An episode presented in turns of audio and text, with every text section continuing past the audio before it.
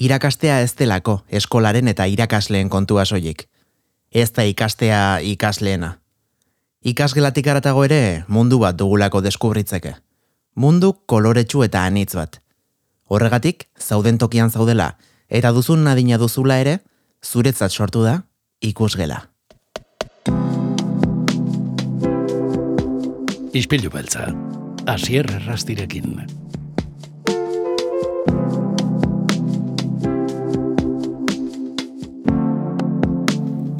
Ander Bolibar, ongi etorri gure izpilora. Eskerrik asko.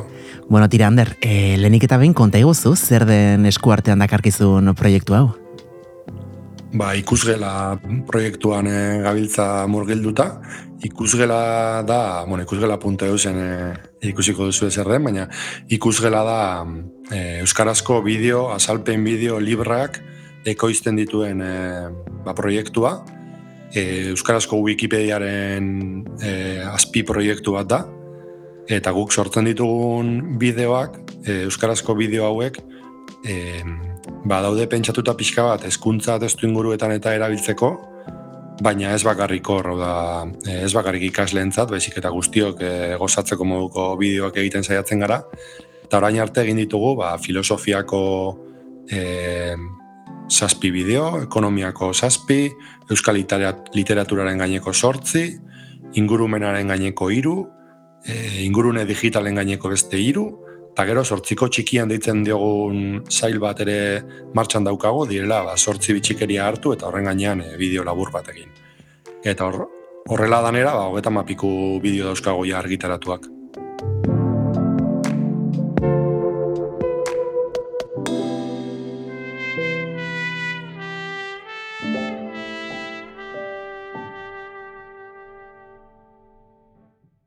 Ba, oraintxe hitz egingo dugu bideo horien inguruan Ander, baina lehenago pixka bat proiektuaren filosofia ulartu dezagun, e, konta eguzu, nor da, e, bueno, ba, proiektu honen atzean ezkutatzen den e, eragilea edo nortzuk dira, hobeto esan da, bat baino gehiago bazaretelako?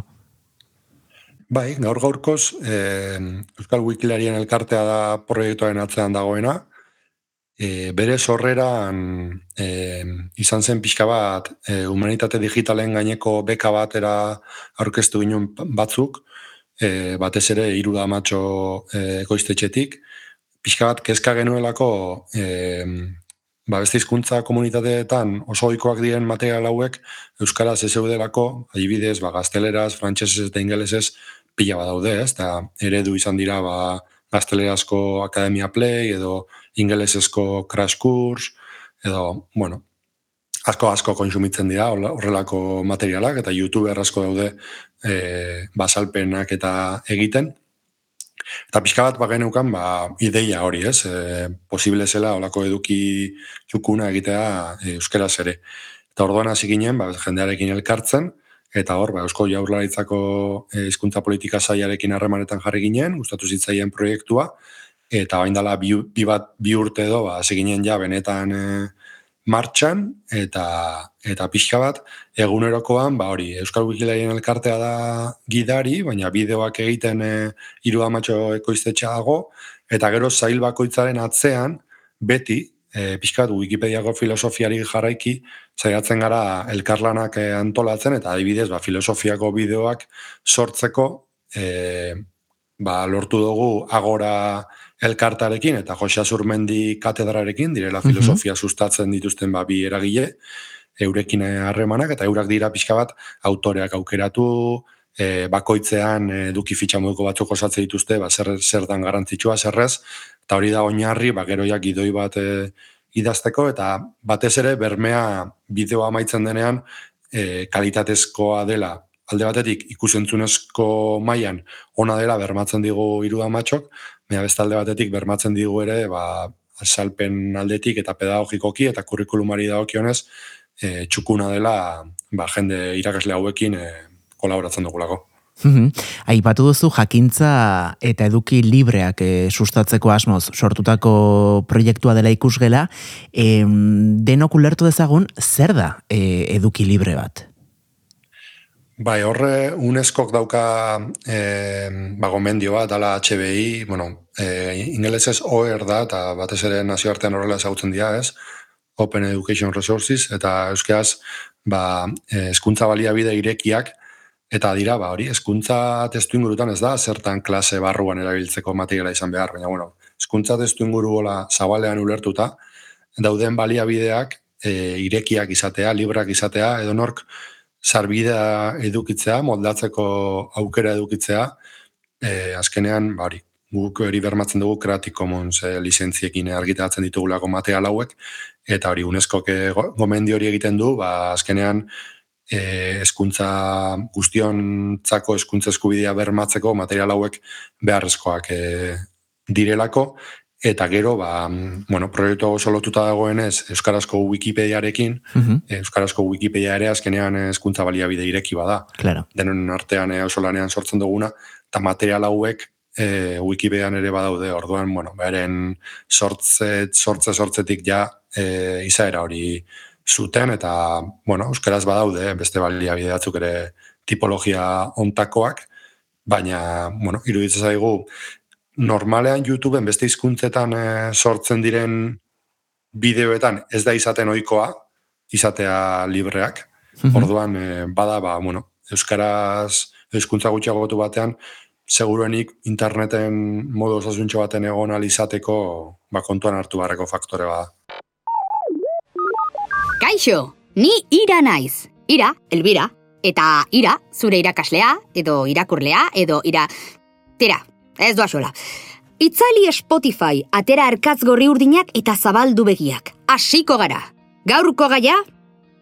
Ez tok amairu! Ez armairu, ez amarru, amairu, eta atxerik gabe. Baina, zer da ez tok amairu, edo zer izan zen? Erantzun laburra hause da, mila bederatzireun eta irurogeita bost eta mila bederatzireun eta irurogeita mabi artean aritu zen kultur mugimendu abanguardista. Alegia, bide berria kurratu zituena hainbat musikari, idazle eta artista batu zituen. Ziur ezagutzen dituzuela haietako batzuk. Mikel Laboa, Jose Antonio Artze, Lourdes Siriondo, Xavier Lete, Jose Angel Irigarai, Benito Lertxundi, Jorge Oteiza eta gehiago. Gerora ere bide luzea egin duten sortzaileak dira denak. Beste batean arituko gara haietako bakoitzaz luzeago, baina haien denen ibilbidean oinarri garrantzitsua izan zen ez tokamairu oso ikusentzunezko pilula atseginak dira, ulerterrezak e, ikusteko, bueno, ba, atseginak. Ezkuntza ipatu dugu, behin baino gehiagotan, ez dakite konkretuki nora begira, edo zeini begira, hobeto esan da sortu zen uten duela urte bete proiektua. Ba, esaten da, ez, e, tarjeta zehaztu bar dala eta ezin dela izan e, guztionzat, baina egia da, saiatzen garela, eta sailbakoitza formatu aldetik ezberdina, batzuk animazioak dira, ez batzutan youtuber aurkezpenak daude, beste batzutan, bueno, formatua danetan ezberdina, orduan, eta bakoitzak ere hartzaile xe, ba, xeago bat du, baina bai iruditzen zaigu, e, irugarren espazio bat edo badagoela horrez, pixka bat ere digitalek nola lausotzen duten e, zer den klase barrua eta zerrez, eh, hainbat ikerketa daude ja esaten dituenak ba, gazteek ordu gaiago pasatzen dituztela pantalla baten aurrean e, ikasgela barruan baino, ez? Mhm. Eta baita ba, e, bilaketa badira ja bi urte bilaketa gehiago egiten direla YouTubeen, Googleen baino. Eta hirugarren datu bat esatearren, ba, e, euskarazko Wikipedia dela euskarazko webgune bizitatuena askogatik, ostirale, astelenetik ostiralera da bizitak gehien jasotzen dituen eh, egunak, ba, eskuntza testu inguruan bizitak jasotzen dituelako, ez? Orduan, iruditzen zitzaigun pixka bat e, naturala zela Wikipedia eta YouTube baldin badira gehien kontsumitzen diren e, bi horrek, bi horretan euskarazko ikusentzunezkoak ere indartsu egon bar zirela. Orduan, bai, berez bada e, filosofia klaseetan erabiltzeko moduko materiala filosofiako bideoak, baina janarent ezagutzen ez duen pertsona batentzat, e, ja ikaslea ez dena, aukera ona da lau minutuan bere bizitza eta pentsamenduaren laburpena ikustea, ez? Eta iruditzen zaigu, eta jaso dugu azken urte honetako ba, feedbacka eta jendean iritziak eta uste dugu klasetik kanpo ere kontsumitzen dela. Eta batez ere, e, iruditzen zait hori, irugarren espazio hori, e, euskerak mm, bueno, ba, gauza desente behar dituela, ez? Beze, ikusten badugu ezagutza eta erabilera maila eta horre inkesta soziolinguistikoetan eta ikusten dien kontuak eta e, jende asko aipatzen du base arrisku daukan hezkuntza klasearekin bakarrik lotzea e, euskera, ez? Eta orduan e, horregatik gu nahi genuen ez sortu ikasmaterial klase barruan erabiltzeko mm ertxiki lotuta dauden materialak, baizik eta lausoak izatea, eta norbaitek azterketa bezperan ikusiko dugu ikusiko du bideoa errepaso moduan, beste norbaitek jarriko du klase hasieran e, gai bati sarrera emateko, eta beste norbaitek ikusiko du ba, interesgarria irutze zaiolako, eta ez duelako gaia ezagutzen, eta eta agian e, hogeta urte ditu, edo berrogeta mar, baina e, interesgarria iruditze zaio, ez? Orduan, iruditze zaigu, ba, Wikipedia bera ere, e, azken finean horrela da. E, Wikipedia denok erabiltzen dugu, edo zein zalantza daukagunean kontsultatzeko, baina hezkuntzan batez ere asko erabiltzen da, orduan, tresna ez dago, ez dago zertan mugatu behar eskola barrura edo kanpora, ez? Niri Ander, eh, pasaden ikasturtean Instagram plataformaren bidez hasi zitzaizkidan zuen ikusentzunezkoak agertzen eta egia da hasiera batean naiz eta pentsatu hori e, gaztetan erabentzako edukiak direla ondoren besteak beste ekonomiaren inguruan e, filosofo askoren inguruan e, orain e, bueno ba duela denbora gutxi mm, sortu berri duzuen adimen artifizialaren inguruko e, tarte horretan nik mm, izugarrik hasi dut, eta uste dut, publiko anitz eta orokor batentzako ere, behar beharrezko izateaz gain, e, bueno, ba, oso baliagarri izan daitekela. Bai, nik eh, beste hizkuntza batzuetan horrelako bideoak betian ikusi izan ditut, ez? Eta zentzazio hori genuen, osea, pixka bat, eh, bueno, ikerketa egin genuen pixka serioagoa, ez izateko zentzazioa bagarrik, eta elkarizketate genuen jendea, aztertu genituen nazioarteko eredu pila bat, Eta hor hori ikuste zen, eh? Osa, crash course bera eskola barruan erabiltzeko da, baina hortik kanpo, ez dakit, ni kuantun fraktura dibidez guztua ikusten du, edo, bueno, jende, nire inguruan jende esente jaime altozan ikusten du, mm bai. e, youtuber asko daude eduki, asalpen eduki alantzen dutenak, ez direnak, e, ez, azkenean youtuber estilo bada, e, azpikategoria bada, eta hor, euskeraz, badaude gauzatxoak, baina falta zen igual proiektu bat, batuko lukena hori guztia eta modu serioan ekin eta eta bueno, bideo bakoitzaren atzean lan handia dago, batzutan eskuetatik joaten zaigu lana, baina bueno, positiboa dagoeneko hori, hogeta mapiku bideo argitatu ditugu, astero, astero ikasturtea martxan dagoen enean, astero, astero bideo bat argitatzea zen gure erronka, asko da, ze bideo bakoitzaren atzean lan handia dago, baina momentu honetan, e, orain dela bihazte ekin genion e, bigarren denboraldi honi, momentu honetan ari gara astean bi bideo argitaratzen. Aste hartetan e, erronka digitalak zerekoa, zaipatu duzuna, algoritmoak, adimen artifiziala, gaur humanitate digitalak digitalen gaineko bideo bat e, argitatu dugu, eta ostegunetan hasi gara filosofiako bigarren denboraldiai. E, aurroko astean Aristoteles, eta ostegun honetan e, Mary Wollstonecraften bideo bat atako dugu. Mila zazpireun talarogeita bederatzean, Frantziako iraultzak angazkora jarri zuen historia, Elizari eta nobleziari boterea erauzita. Trukean, burgesiak hartu zuen haien lekua, eta aldaketan abarmenak ezarri zituen gizartearen antolaketan. Baina zer leku zuten emakumeek ustezko askatasun garai berri haietan. Spoiler, alboratuta eta zapalduta bizi ziren. Emakume batzuek ordea, uko egin zieten inposatutako rolei eta desafiatu egin zuten garaiko morala. Haietako bada Mary Wollstonecraft, idazle eta pentsalari britainiarra. Gaur egun feministatzat joko genituzkeen testuak idatzi zituen, erabat apurtzaileak ziren garaian.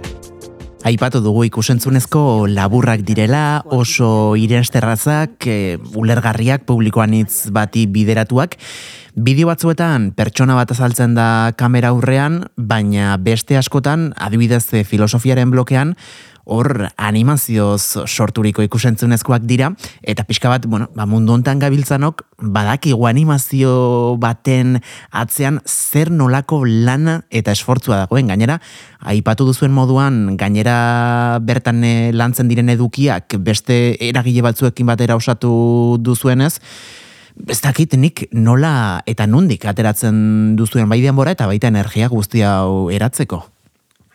Ba, azkenean e, etxe barruan bi erritmo dauzkagu, ez? Gauza da noiz argitatzen ditugun, da ez bat noiz sortu, eta orain argitaratuko ditugun filosofiako sortzi bideoak, adibidez, orain dala urte bete ja, hasi hasi ginen eh, horiek sortzen. Zabi, pixka mm tamaina ikusteko.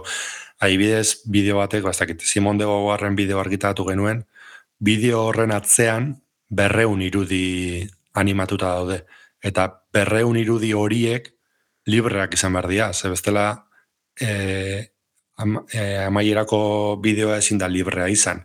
Eta orduan, Simon de bideoan sartzen bazara, YouTubeen bertan adibidez, eta referentzietan ikusi, referentziak hor klikatuta agertzen dira. Ze berreun irudi dauden hor nazita, ez, orduan, mm bueno, horrek ematen digu tamainoa ez bakarrik gidoia, edukia, animazioa, ba, ba bai, e, jende askoren arteko lankieta da, proiektua handia da, e, bideo bakoitzaren artea, e, atzean dagoena, baina merezi du eta egia esan jasotzen ari garen irakasle asko idatzi digute, e, badakigu ikasleak erabiltzen ari direla, adibidez e, filosofiako kurtsoa normalean hasieran Platonekin hasten dira, eta Platonen bideoak azkenengo bilabetetan egunero egunero egun bizitati gora izan ditu, Ara. eta evidentea da, e, ba hori, erabiltzen ari dela orain, ez, klasean. Mhm. Baina udan abuztuan ere izan ditu bizita gorduan, horrek ber, erakusten digu lehen aipatzen genuena, ez?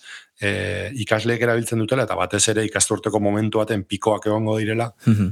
baina gainontzeko ere urtean ziar e, liburu baten aipu bat irakurri dugulako edo ez daki zergatik helduko gara e, material horretara eta ikusiko dugu, ba hori, ba nik pila dat ikasi dut adibidez bideoen e, koordinazioan eta aritzen, eta oso interesgarri pila bat, ez dakit, ba, ba adibidez e, filosofiakoak e, ba berezik ilangintza handi askatze dute animazio estiloagatik, baina mhm. ekonomiakoak ere aipatu dituzunak, ba nik ere gauza pila bat ikasi ditute horiekin, eta ekonomiako irakasleekin eta hartu emanak izan ditugu, eta, eta bai, bada gai bat klasean landu daitekena, baina klasez kanpo edo nork interesa izan duzakela horretan. Agian goiza urte bete bakarrik e, daramazuelako proiektu honetan, baina e, aipatu duzu ikasgela barruetan hasi direla e, bideoek erabiltzen. Ez dakite badakizuen bueno, ba, eskola publikoan edo ikastoletan e, kurrikulumaren barruan txertatu dituzten edo txertatzekoak diren hauek? Guzaiatzen gara, egiten ditugun eduki guztiak kurrikulumean e, egotea. Ez azkenean kurrikuluma oso zabala da eta kurrikulumean badaude e, lantzen ditugun gai guztiak. Gero askotan irakasle bakoitzaren esku egoten da, claro. e, zer habilita zerrez, eta gero ba, gure ideala izango litzateke ikasleak euren kabuz e, eltzea material honi, ez? Eta aipatzen genuen e, autonomia horretan, ez? Zuzenean ikasleak heltzea ez irakaslearen bidez bakarrik. Baina bai, izan gara jardunaldi askoetan, adibidez e, eskola digitalan izan ginen, eta eta bai jaso genuen e, hortik, eta gero sare sozialetan eta aipatu, jende xentek aipatu izan digu erabiltzen dutela, e, irakasleak gertu datu zen zaigu e, iru ikastetxe sareetakoak, e, aipatzen, ba, erabiltzen dituztela klasean, eta, eta bueno, e, Claro, guk bideo hauek e, YouTubeen daude, baina Wikipedian ere, eta gero Instagramen, Pertuben, oza, e, biltegi askotan daude, ez? Eta, azkenean gure helburua da material hau erabilia izatea, ez da bizitak pilatzea plataforma batean, edo, orduan, zu e, Wikipedian sartzen bazara, e, ez da, ba, dimen artifizialan, artikuluan adibidez, adimen artifizialen gainean desente dago idatzita, salpena desente dago, baina goian, eskuman, dago guk sortutako bideoa. Wikipedian. Eta horrela, Wikipedian dagoeneko berreun horri aldetik goratan e, ikusgelako bideo bat dago txertatuta. Orduan, nahi edo ez, jendeak egunero erabiltzen duenez Wikipedia hortik ere heltzen dira bideotara eta hortik ere eskuntza ere muetan erabiltzen dira. eta gero, beti dago, ba, ba bueno, hau nola geral, gelaratu, eta hori, urtebete azkenean, urtebete da, baina urtebete da lehenengo bideoa argitatu genuela astero astero bigarren bat eta hirugarrena, laugarrena, bosgarrena eta azkenean benetan biltegi potente bat ja, hogeta mapiku bideo, bosei minutu, ja badira ordu batzuk materiala orain daukagu. Eta ikasturte honen bukaeran, ba, bikoitza baino gehiago izango dugu, ez? Orduan, nik uste dut, bi irula urte bai behar direla ikusteko, ostras, hor jagongo dira eundaka bideo, eta eta ikusiko diogu tamaina e, osotasunean, ez? Baina, baina, bueno, dagoeneko ja dauden hogeta mar bideoak badira, badira bai, nahiko material. Ander, zuen proiektuak duen gauza zoragarrietako bat da, bueno, ba, nahi izango bazenute produktu honek duen kalitateagatik, e, etekin ekonomiko bat lortzea, bueno, e, elitzatekela zaila izango, baina zuek erabaki duzue, Euskal Wikilarien elkarteak egiten duen guztia bezala, era doako eta libre batean eskaintzea herritar guztioi, eta gainera lizentzia librearekin. Ba, azkenean Wikipediako guztia e, lizentzia librean dago, ez? Ba, bueno, ez da Creative Commons zehazki, beste lizentzia bada, baina Creative Commonsen oso antzeko lizentzia bada, eta erabili daiteke eta berrerabili nahi beste, beti ere aipatzen nundik e, atera duzunez, eta gure kasuan ere guk sortzerakoan hori guztia egiten dugunez, e, erabiltzen ditugun iturri guztiak batez ere Wikimedia Commonsen, ez? Wikipedian dauden irudiak eta erabiltzen saiatzen gara, baina bueno, hortik kanpo ko irudiak baldin badira ere, e, libreak e, izan behar dira. Orduan emaitza logikoena, bueno, proiektu honen sortzeko arrazoietako bat ja hori zen. Orduan, e, esen zentzuzkoa izango hezkuntza baliabide irekia ez den material bat e, sortzea.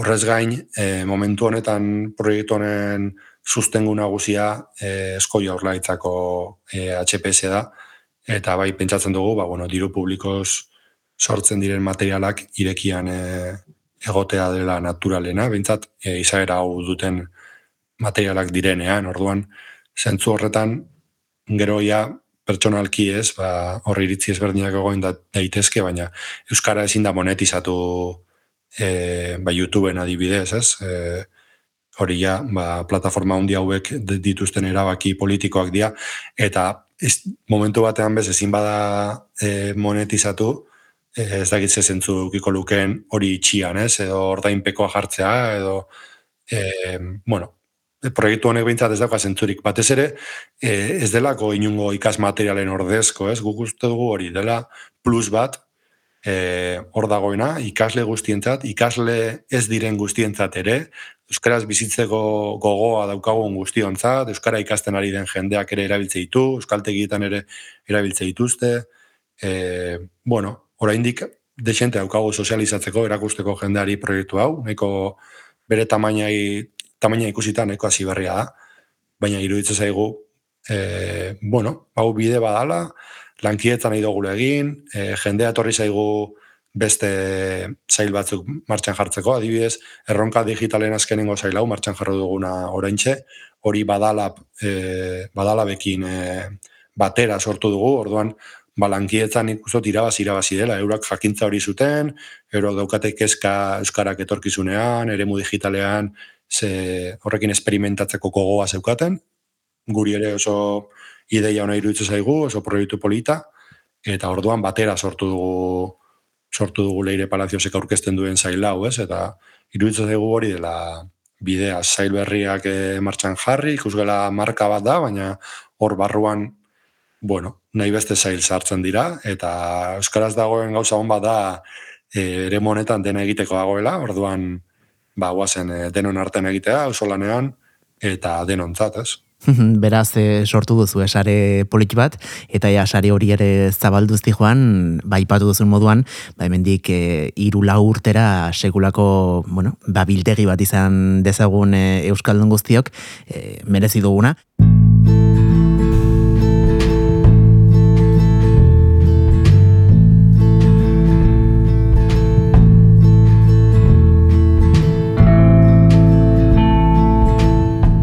Ander Bolibar, gure entzuleak egon bidatuko ditugu agian errexena ikusgela.eus atarira, bertan dena simple-simple e, ikusi eta kontsumitu izango dutelako, baina hortaz apartea ipatu dugu, Wikipedian, YouTubeen, Twitterren edo orain isan, Instagramen, Facebooken, Telegramen, Mastodonten, TikToken, mm, toki guztietan zaudete, beraz, ez dago aitzakiarik mm, edonork duelako sarbidea hauetako edozein plataformara, e, gure gomendio mentik ikusgela.eusen sartzea, eta bertan dena txukun ikusi al izango duzue, Eta tira, ba, ea zenolako harrera izaten duen bigarren denboraldi honek eta zorionak hander egiten ari zareten lan zoragarri honengatik. Ba, Mi esker eta ba bai, e, posik eta gogoz gaude eskuartean ditugun bideoak e, ja publiko jartzeko. E, astero astero bi bideo asteartean eta ostegunean, behintzat gabonak arte hori da gure gure plana. Ba, hortxe dugu zita. Ander Bolibar, eskerrik asko. Agur.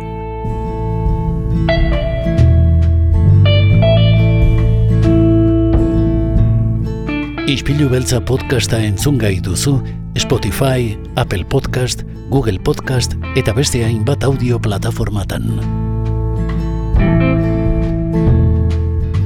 Ba, tira entzule, hause ostegunak eman duena, eskerrik asko gaurkoan ere gurekin bat egiteagatik, orain agurtzeko Nafarroara egingo dugu salto, bertakoa delako, ibilbedi taldea, eta duela ma bostegun, urriaren hogeita maikean, euren azkeneko estudioko lana aurkeztu zutelako, singela kasu honetan, anelidoak izena duena, eta euren aurtengo alunean aurkitu ez daitekena. Goldea da, beraiek kaleratu berri duten albuma, imaginatzen dugu lan honekin gerturatuko direla durangora, baina tira, sorpresaz behintzat, e, duela amabost egun esan moduan, euren, bueno, ba, azken pieza bat ere aurkeztu digute. Urtea amaitzear den honetan, anelidoak izena duena eta kantunekin esango dizuegu agur. Gogoratu bihar goizeko seiretan izango duzuela ispilu beltzaren edizio berri bat podcast plataformetan.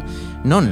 Ba, Spotify, Apple Podcast, Google Podcast, iVoox, Pocket Cast, Podimo, zuen podcast plataforma kutxunenean, hortxe, ispilu beltza ipine eta aurkituko gaituzu bertan, eta goizeko zortziretatik aurrera Donostia Kultura irratian, irratia.donostiakultura.eu satarian, edo eunda zazpi.lau FM-an, zure kotxeko, mm, sugaldeko edo nahi duzun lekoko irratian entzun gai. Bihar arte, txintxoak izan, agur!